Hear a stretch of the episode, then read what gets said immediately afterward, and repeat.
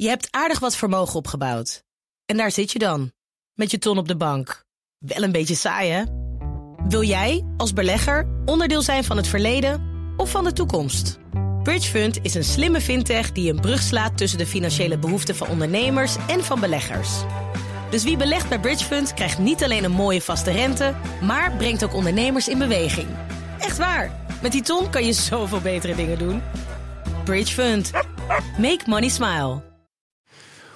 Hoe is de uitleg van Klaas Knot over het ECB-beleid aan de Tweede Kamer gisteren gevallen onder beleggers? En er is veel kritiek op shortsellers na de val van reisgigant Thomas Cook. Dat en meer komt ter sprake in het beleggerspanel. Vandaag bestaande uit Thijs Knaap, senior stratege bij APG. Roel Barnhorn, obligatiespecialist bij ABN AMRO. En Reiner Wietsma, portfolio manager bij EBS Capital Management. Mijn zakenpartner is Wendy van Ierschot, oprichter van V-People. Welkom allemaal. We beginnen traditiegetrouw met jullie laatste transactie. Ja, ja, Thijs, je kan er niks aan doen, maar kijk automatisch weer naar jou. Meestal komt er een papiertje met, nou ja, ja het is er weer. weer. Ja, ik moet het toch uitprinten. Het gaat altijd om grote getallen, hè. die kan ik niet zo goed onthouden. We hebben ons uh, belang vergroot uh, in Via Outlets, de eigenaar van Europese outletwinkels. Uh, dat is opmerkelijk, hè, want het sentiment rond winkels is best negatief. zelfs in onze eigen vastgoedportefeuille is het aandeel winkels behoorlijk gedaald de laatste jaren. Maar outlets zijn dan weer een positieve uitzondering. Uh, denk bijvoorbeeld aan de designer outlet in Roermond of uh, in, uh, bij Lelystad, Bataviastad. En die outlets die doen het eigenlijk prima. Ze hebben minder last van het feit dat mensen online gaan shoppen. dus nou, de, de, eigenaar van een heleboel van die outlets, elf in Europa, is pas vijf jaar geleden opgericht. We hebben ons belang nu vergroot samen met een andere belegger om nog jaren daarvan te kunnen profiteren. Dus jij staat binnenkort ook in de outlet file naar Roermond. Die, Ik ben er al geweest, ja, ja, ja, nee, ja. zeker. Ja, dus, en naar Lelystad ook. Ja. Wel wonderlijk, toch? Ik bedoel, uh, dat die, die outlets zich onttrekken aan de malaise in ja. retailland. Het schijnt een bekende niche te zijn in de ja, winkel-vastgoedmarkt. En, en is dat niet een beleving? Je gaat daar dus een dagje naartoe. Dat ja. is het volgens mij. Ja, ja nee, we hadden het net over Blokker en Intertoys. Dat is natuurlijk een totaal andere orde dan een dagje naar uh, Batavia stad Stad. of naar Roermond. dat hebben ze marketingtechnisch wel goed gedaan, vind ik. Reiner, wat is jouw uh, laatste transactie? Als ze uh, er is, hè? Moet ja, nou ja, de vorige keer was hij er niet. Waarom? Uh, de keer daarna was jij op vakantie. Toen was er wel een. Oh, ja. En nu hebben we IBS niks gedaan. Um, ik heb zelf wel wat gedaan. Ik heb wat aandelen bijgekocht in Verizon. Uh, Verizon is de operator van uh, ja, .com-netwerk. Dus als je bijvoorbeeld google.com intypt, dat die domeinnaam, die registreren zij. Dus een monopoliepositie. En per domeinnaam ontvangen zij jaarlijks 8 dollar. Er zijn 142 miljoen domeinnamen nu, dus het gaat om uh, best wel veel, uh, veel geld. En de komende jaren mag ver zijn die prijs ook nog een paar keer gaan verhogen. Dat is een monopolie dat ze hebben gehad van de Amerikaanse overheid. Um, ja, het is een heel mooi businessmodel, want je hebt weinig last van concurrentie. Dat kan ik me voorstellen. Uh, het is ook raar dat het in Nederland is een stichting die je doet. Stichting Internet Domeinnaamregistratie ja, in Nederland. Is hier wel eens geweest, ja. Um, nou, die hebben ook een goed doel en die besteden dat geld weer terug aan het gebruik van het internet. Maar in Amerika, zoals Amerikanen kennen, is dat een commercieel bedrijf en dat heet Verizon. En ja, daar aandeelhouder van zijn is uh, op de lange termijn niet. Maar, maar, je hebt dan een monopolie en dan uh, wordt het je ook nog toegestaan om uh, de bedragen die je mag vragen te verhogen? Ja, dat is ook weer iets Amerikaans. Daar is een heel steekspel over geweest. Maar de, je hebt twee spelers hierin. Je hebt zeg maar, de, de, de GoDaddy's van deze wereld. Dat zijn degenen die de domeinnamen registreren en ook aan klanten verkopen. Nou, daar zit een enorme handel in die domeinnaam. Want als je een bekend domeinnaam hebt, bijvoorbeeld nou, google.com, is heel veel geld waard. En de registratie daarvan vindt dus ook een soort van windhandel in plaats. En de wholesaler, dat is Verizon, en die krijgt maar een heel klein stukje daarvan. En die hebben dus gelobbyd in Amerika om te zeggen... We vinden dat eigenlijk ook oneerlijk dat wij maar zo'n klein stukje krijgen. Dus de komende jaren mogen ze die prijs met 7% per jaar verhogen. Het bedrijf heeft bijna geen kosten. In die zin, er werken al tientallen jaren maar 900 mensen en zouden dat een beetje bij... Uh, dus de operating marge, dus de winstmarge, ligt ook ver boven de 70 procent. Ik denk dat onze luisteraars blij zijn dat je het even deelt. Ja, dat is. Mooi Hoeveel zou google.com als domeinnaam waard zijn? Dat is een interessante vraag. Roel, ook een andere interessante vraag. Jullie laatste transactie. Ja, binnen de obligatiesector hebben we de risico's afgebouwd naar neutraal. Uh, we hebben de obligatiesector zo'n paar keer uitgericht. Uh, we hebben high quality, dus hoge kwaliteit ja. en hoog rendement.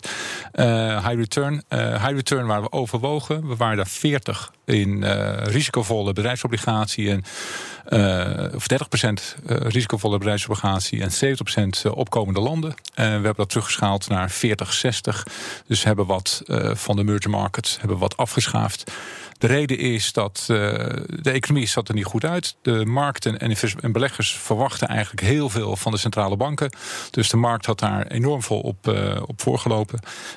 Duration, dat wil zeggen de lange looptijd van obligaties, die hebben het meest performed. Het zit met name in opkomende landen. Dus hebben er eigenlijk wat winst genomen. En door de Fed-actie, die we verwachten, supporten voor de risicovolle high yielders. Ja. Omdat zijn meestal Amerikaanse bedrijven. We komen zo meteen nog wat uitgebreider te spreken over obligaties. Maar eerst een korte terugblik naar gisteren. Want toen was Klaas Knots, president van de Nederlandse Bank, in de Tweede Kamer. Over van alles nog wat, ECB-beleid. Maar uiteindelijk, Thijs, als je het allemaal afpelt, dan ging het toch vooral over de pensioenen. En of er nou gekort moet worden en op welke termijn dan. Uh, Klaas Knot heeft al uh, eerder gezegd, de, die, gisterochtend in de Telegraaf... het is nu ook tijd om de pijn te nemen. We hebben het er al heel lang over. we schuiven het nu toch maar weer voor ons uit. Het is niet gunstig voor de jongeren onder ons. Um, snap jij wat hij zegt? Ja, ik snap wel wat hij zegt. Dus uh, de, de uh, Nederlandse Bank heeft toezicht op de pensioenfondsen. Dat is, het is zijn werk om daar, uh, om daar wat over te zeggen. En dat, nou, gisteravond zag ik Klaas Knot bij Nieuwsuur. En daar zei hij ook nog, ja, wij, wij voeren de, de pensioenwet uit. We moeten, hè, dat, toezicht, dat is ons werk en dat moeten we doen. En wat, waar het eigenlijk gisteren over ging was de lage rente. Daarvoor was hij in de Tweede Kamer. En die, die lage rente die doet eigenlijk twee dingen. Aan de ene kant blaast hij alle uh, bezittingen op. Dus uh, de obligaties, maar ook andere stukken worden meer waard als de rente omlaag gaat. Uh, aan de andere kant, als je begint met een lage rente, dan is je verwachte rendement is niet zo hoog meer. Hè. Als je een obligatie koopt die negatieve rente heeft, dan weet je als je hem helemaal uithoudt, dan, dan gaat het geen geld opleveren. Dus de toezichthouder moet vooruitkijken. Dus die kijkt wat gaan we de komende jaren doen met pensioenfondsen. nu is de rente heel laag.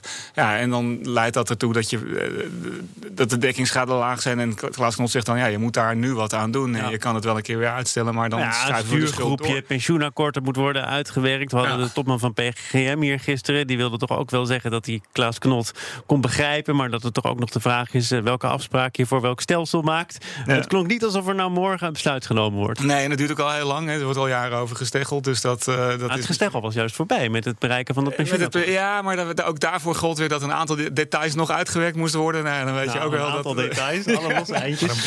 Is, is dat uitstel ook omdat mensen hopen dat die rente toch weer omhoog gaat en daarmee de druk van deze discussie weer afgaat? Dat zeggen ze nooit. Uh, maar ik denk dat dat allicht in de achterhoofden meespeelt. Van wellicht, uh, als, we, als we geluk hebben, dan, uh, dan kunnen we het hele probleem opgelost verklaren.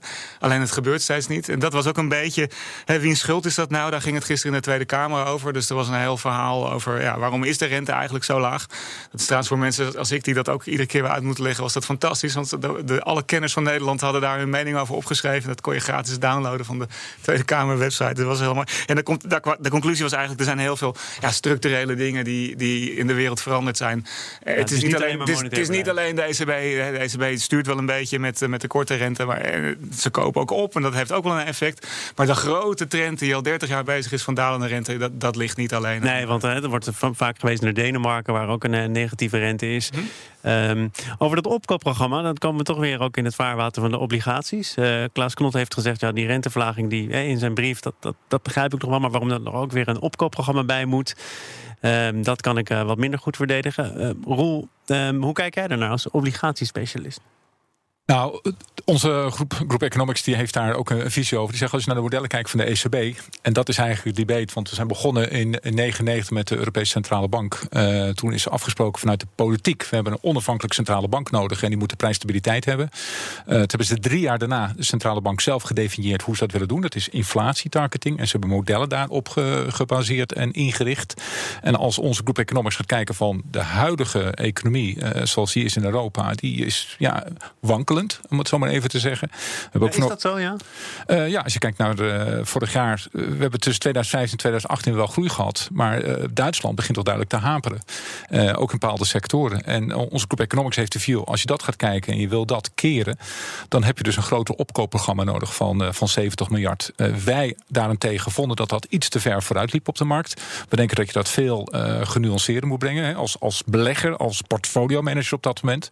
Maar dat is de steek van Groep Economics die kijken voornamelijk alleen maar naar de modellen. We gaan niet zeggen of de ECB, onze groep economen, of die het recht hebben of niet. Die kijken gewoon aan wat is een doel, wat moeten ze gaan doen. Nou, we hebben ook gehoord van Klaas Knot dat die discussie ook in, uh, in de ECB heeft plaatsgevonden.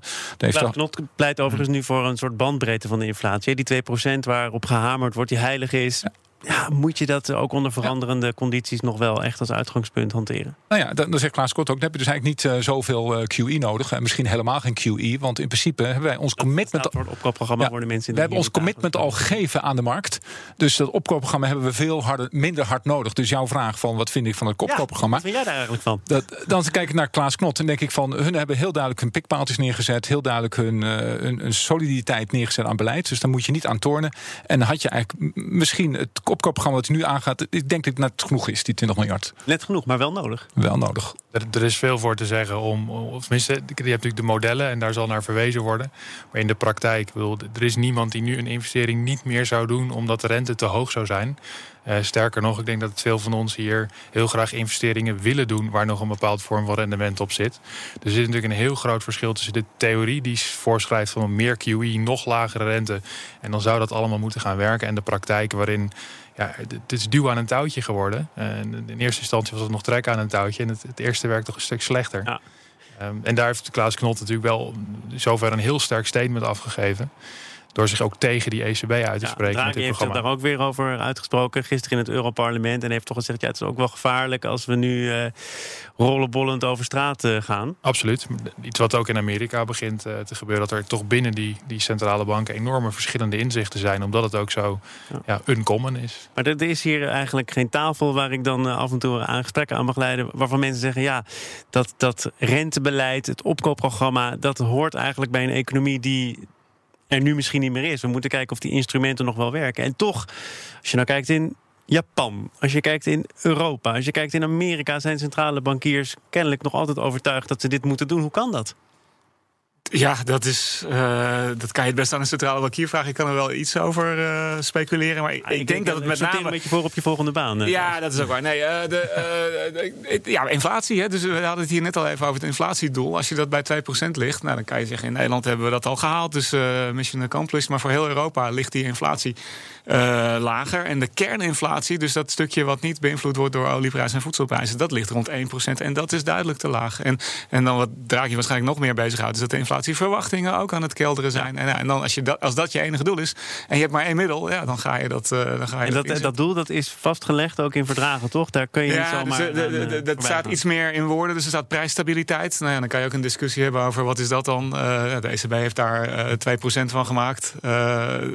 Klaas Knot wil er nu iets anders van, van maken. Dat is een discussie. Maar het is heel lastig om dat te veranderen in de praktijk. Maar hij zegt ook heel duidelijk: dus in 2003 zijn de laatste afspraken gemaakt. En dit is nu voor revisie, want het is al meer dan, dan 12 jaar oud. Maar het is ook bij de FED. Men heeft echt revisie nodig naar deze modellen en naar deze. Uh, ja. Ik kreeg een vraag van uh, een twitteraar over de centrale bankenkwestie. Wat moeten die nou doen? Ik wil het toch nog even aan jullie voorleggen. En mijn vraag was, waarom doen ze het nog? Zijn wedervraag is, wat zou er nou gebeuren... als de centrale bankiers gewoon helemaal niets meer doen? Niet meer de rente verlagen, stoppen met opkoopprogramma's... Ik zou heel benieuwd, ja, dat is een goede vraag en ik ben heel benieuwd wat er dan zou gebeuren.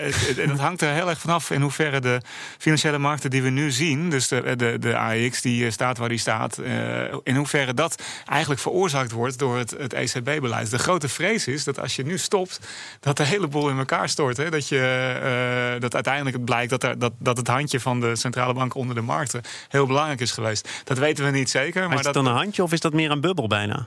nou ja, ja dat, dat, dat, dat dat is dan de kwestie inderdaad. Eh, stel dat blijkt dat het allemaal inderdaad uh, uh, zoveel geld waard is, dan is het geen bubbel. Maar het vermoeden bestaat wel dat, dat, dat hier toch uh, een groot effect is. en, nou ja, dus, en niemand durft dat toch aan, want je, je kunt dan maar beter voor de veilige optie kiezen. Alleen je kunt er ook bijna nooit meer goed en fatsoenlijk uitstappen natuurlijk. En je noemt een veilige optie. als je die optie weggeeft, dan, gaat, dan denkt men en de centrale bank dat ze veel meer gaat kosten om te interveneren. En ja, dat, dat willen ze niet. Ja, om de, om de, de rommel weer op te ruimen als het in elkaar stort. Dus dit, dit blijft bij een gedachte-experiment? Ja. Waarschijnlijk. Ja, dan gaan we over uh, onzekerheden praten waar beleggers uh, mee geconfronteerd worden. Handelsoorlogen, haperende wereldgroei. Alleen de manier waarop je daarmee omgaat, die verschilt van belegger tot uh, belegger. Volgens analisten is er sprake van een richtingenstrijd. De ene grote belegger stapt niet verder in aandelen, de andere groep koopt juist groter in. Is er, Reiner, voor beide partijen iets te zeggen? Wat mij betreft zeer zeker. we hebben het net al even genoemd, maar er zijn heel veel signalen dat er nou een recessie is een groot woord, misschien, maar dat het in ieder geval op veel vlakken minder gaat. Aan de andere kant, iets waar we het ook al over gehad hebben, is die enorm lage rente. En dus eigenlijk de risicoopslag die aandelen geven ten opzichte van ja, dat negatieve rendement. Als ik nu moet kiezen voor Unilever op 3% of een staatsobligatie op min een half, dat is een ander, andere discussie dan dat het vroeger was. En die twee kampen die hebben nu allebei iets te vertellen, want voor allebei is wat te zeggen. Gisteren hadden we hele slechte cijfers uit Duitsland. Ja, de rente is ook nog steeds uh, min een half procent in Duitsland. Dus voor allebei is iets te zeggen. En die richtingenstrijd zal wat mij betreft nog wel een ja. tijdje kunnen voortduren. Is hier ook sprake van een richtingenstrijd of niet? Wat zouden jullie zeggen? Uh, groter in aandelen of juist niet? Nou, ik denk dat het richtingenstrijd is. Als je 2018 hebt afgesloten met een negatieve resultaten in aandelen. En je zit in januari, februari en er zit weer lift in, in de aandelen. En je kan er dus zonder kleerscheuren uitkomen. Misschien met een winst van 4, eh, 5 procent. En je stapt dan uit. Dan heb je nu hoogtevrees, dus er is ook psychologie. In hoeverre heb je, ben je eruit gegaan? En heb je dan die schrik van uh, einde vorig jaar nog, nog in de benen zitten. Uh, wat ik begrijp van onze analisten aan de aandelenkant zitten nu voornamelijk uh, professionals erin. Die moeten beleggen, die zijn geforceerd te beleggen. En de particulier die, die is wat terughoudender in. Ja, dus uh, mijn aandelenman zei dat het, het is de meest ongeliefde bull market ooit. Dus, ja, ja. Uh, dus de, de, aandelen spuiten omhoog dit Je jaar. moet wel, there's no alternative. En, en, maar, maar niemand wil vindt het fijn, want, maar ook omdat er, er is geen groot verhaal bij. Dus als je vaak bij als het allemaal heel goed gaat, is er een verhaal. Het, het internet maakt nieuwe technologie mogelijk of, of noem maar eens wat. En dit, ja, de, wat Reinder al zegt, het gaat omhoog omdat alle andere dingen ook zo duur zijn. Dat is veel minder leuk en misschien ook veel minder prettig als belegger om daarin te investeren. En dat, dat maakt het ongeliefd. Maar ik ben het helemaal met hem eens dat uh, ja, het, het, alternatief is inderdaad uh, heel erg slecht. Uh, tegelijkertijd, als je dan kijkt, de koers-winstverhouding berekend op de Schiller-manier, waarbij je winst heel lang gemiddeld neemt, die staat op 29. Dat is twee keer eerder voorgekomen. Eén keer in 1929, vlak voor de beurscrash, en één keer in, aan eind jaren 90 in de internetbubbel. Ja. Dus als je van dat soort historische. Ik dacht al, een heel panel zonder dit soort historische nee, nee, nee, verwijzingen, dat kan toch bijna niet? Dus, dus als je van dat soort historische historische maatstaven houdt, dan denk je van ja, dit, dit moet wel fout gaan. En dan is er maar één manier om vol te houden dat dat niet zo is. En dan moet je zeggen, this time is different. Nou ja, daar worden beleggers ook altijd een beetje nerveus van. En dat, dat, dat anderen zou dan moeten zitten in dat, ja, die langdurige lang, lage renteomgeving waar we het net al over hadden. Ik wil afsluiten met uh, slecht nieuws, uh, namelijk het faillissement van uh, Thomas Cook een Britse reisorganisatie, een reisgigant. Die is uh, failliet en dat zorgde ook voor reuring op de beurs. Uh, heeft iemand een geschiedenis, persoonlijke geschiedenis met dit aandeel of niet? Nee. Nee. nee, geen reis geboekt. Nee, dus ja, nee, ook geen reis geboekt. Nee. nee. Um, nou zijn, het, uh, zijn er ook een paar mensen die zijn daar rijk door geworden. Want nou, ik zal even kort aan uitleggen hoe dat gaat. Uh, er, er cirkelen al uh, wekenlang aasgieren rond dat bedrijf. Liefst 10,7% van alle aandelen van beleggers die waren in handen van mensen die speculeerden op de val van Thomas Cook. Uh, Reiner, kun je even kort uitleggen hoe dat dan werkt? Ja, um, als je de aandelen van iemand leent. Dus ik, ik heb geen aandelen Thomas Cook. Maar stel dat ik ze had geleend van jou. Zodat jij ze wel had. En ik had ze verkocht op de beurs. Dan zit ik ze zogenoemd short. Ik heb ze tekort. En als ze later op de beurs weer verhandeld worden voor een lagere koers. Dan koop ik ze terug. Ik heb het geld al wel gehad. En ik geef de aandelen weer terug aan jou. Uh, en dan het verschil kan ik verdienen. Dus op het moment dat die aandelenkoers uh, daalt. En dat is in dit geval ja, naar nul. En uh, dan kun je daar dus aan verdienen door, door short te gaan. Ja, er is iemand, eh, ook een lid van het eh, ondernemers of uh, van het beleggerspanel, die al jarenlang short gaat op Tesla. Die wacht nog op het moment. Dus die, maar die, die verkondigt dat hier ook iedere keer. Misschien omdat hij dan hoopt dat zich dat dan versterkt.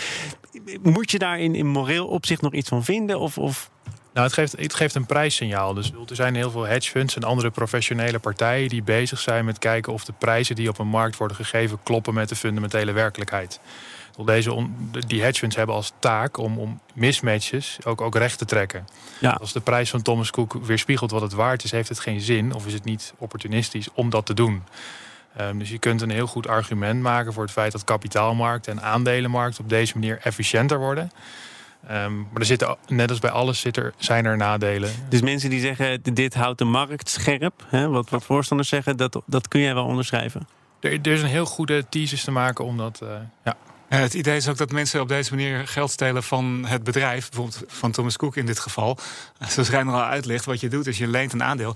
En je verkoopt het aan iemand anders op de markt. Feitelijk eh, van die persoon uh, ben je je geld, het geld aan het afpakken. Want uh, degene van wie je het aandeel geleend hebt, krijgt het weer terug. Het bedrijf heeft er, behalve de lagere beurskoers, geen last van. Dus het is een financieel spel. Maar nooit zo je zegt wel stelen, dat zijn grote woorden, ja, stelen, kijk, nou, dus heb je net gezegd. Ja, ik zei het, dat is waar. En dat is, want het stelen in de zin van deze persoon uh, koopt het aandeel voor een prijs. En die prijs is veel te hoog. Maar ja, dat weet jij alleen als, als shortseller. Je hebt een mening over dat bedrijf. Misschien, gaat het, eh, misschien klopt het ook wel niet. Uh, maar het, je pakt het geld van degene die, de, van die het aandeel gekocht heeft. Ja. En die er kennelijk van overtuigd is dat het, dat het zoveel waard is. En die misvatting wil je als shortseller corrigeren. En als ik goed begrijp, dan had je daaraan kunnen zien dat het niet goed ging met Thomas Cook. Hè? Want uh, ik, ik, denk dan aan de consument die uitkijkt naar zijn vakantie. zijn er nog andere manieren waarop je had kunnen zien aankomen van ik had mijn vakantie daar niet moeten boeken? Uh, ja, dat had gekund. Uh, dat is de prijs voor een uh, verzekering op het obligaties van Thomas Cook. Dus een soort kredietverzekering. En die premies die worden ook op de beurs verhandeld. En die premies waren echt al heel hoog. Een half jaar geleden had je ongeveer 60 euro of dollar of pond nodig om 100 te verzekeren. Um, ja, dat geeft natuurlijk al wel aan dat de markt doorhad dat er daar een stresssituatie was. Uh, en als je die verzekering toen had afgesloten, had je nu 100 teruggekregen. Dus je had daar ook aan verdiend. Ja, dus dan had je en je vakantie moeten boeken en deze premie, uh, premie moeten, moeten ja, pakken. Maar dat, is wel, dat moet je wel echt in een professionele sfeer zitten. Dus qua, qua participant in de markt. Dus ik denk niet dat dat uh, vele gegeven is. Zit weer op, uh, dames en heren. Uh, aanwezig hier in de studio Thijs Knaap, senior stratege bij APG. Roel Barno, een obligatiespecialist bij ABN AMRO. En Reiner Wietsma, portfolio manager bij IBS Capital Management. Wendy van Ierschot was hier ook gedurende twee uur. Nou ja, je moet er maar kunnen. Fijn dat je er was. Dankjewel. Je hebt aardig wat vermogen opgebouwd. En daar zit je dan, met je ton op de bank. Wel een beetje saai, hè? Wil jij, als belegger, onderdeel zijn van het verleden of van de toekomst? Bridgefund is een slimme fintech die een brug slaat tussen de financiële behoeften van ondernemers en van beleggers. Dus wie belegt bij Bridgefund krijgt niet alleen een mooie vaste rente, maar brengt ook ondernemers in beweging. Echt waar, met die ton kan je zoveel betere dingen doen. Bridgefund. Make money smile.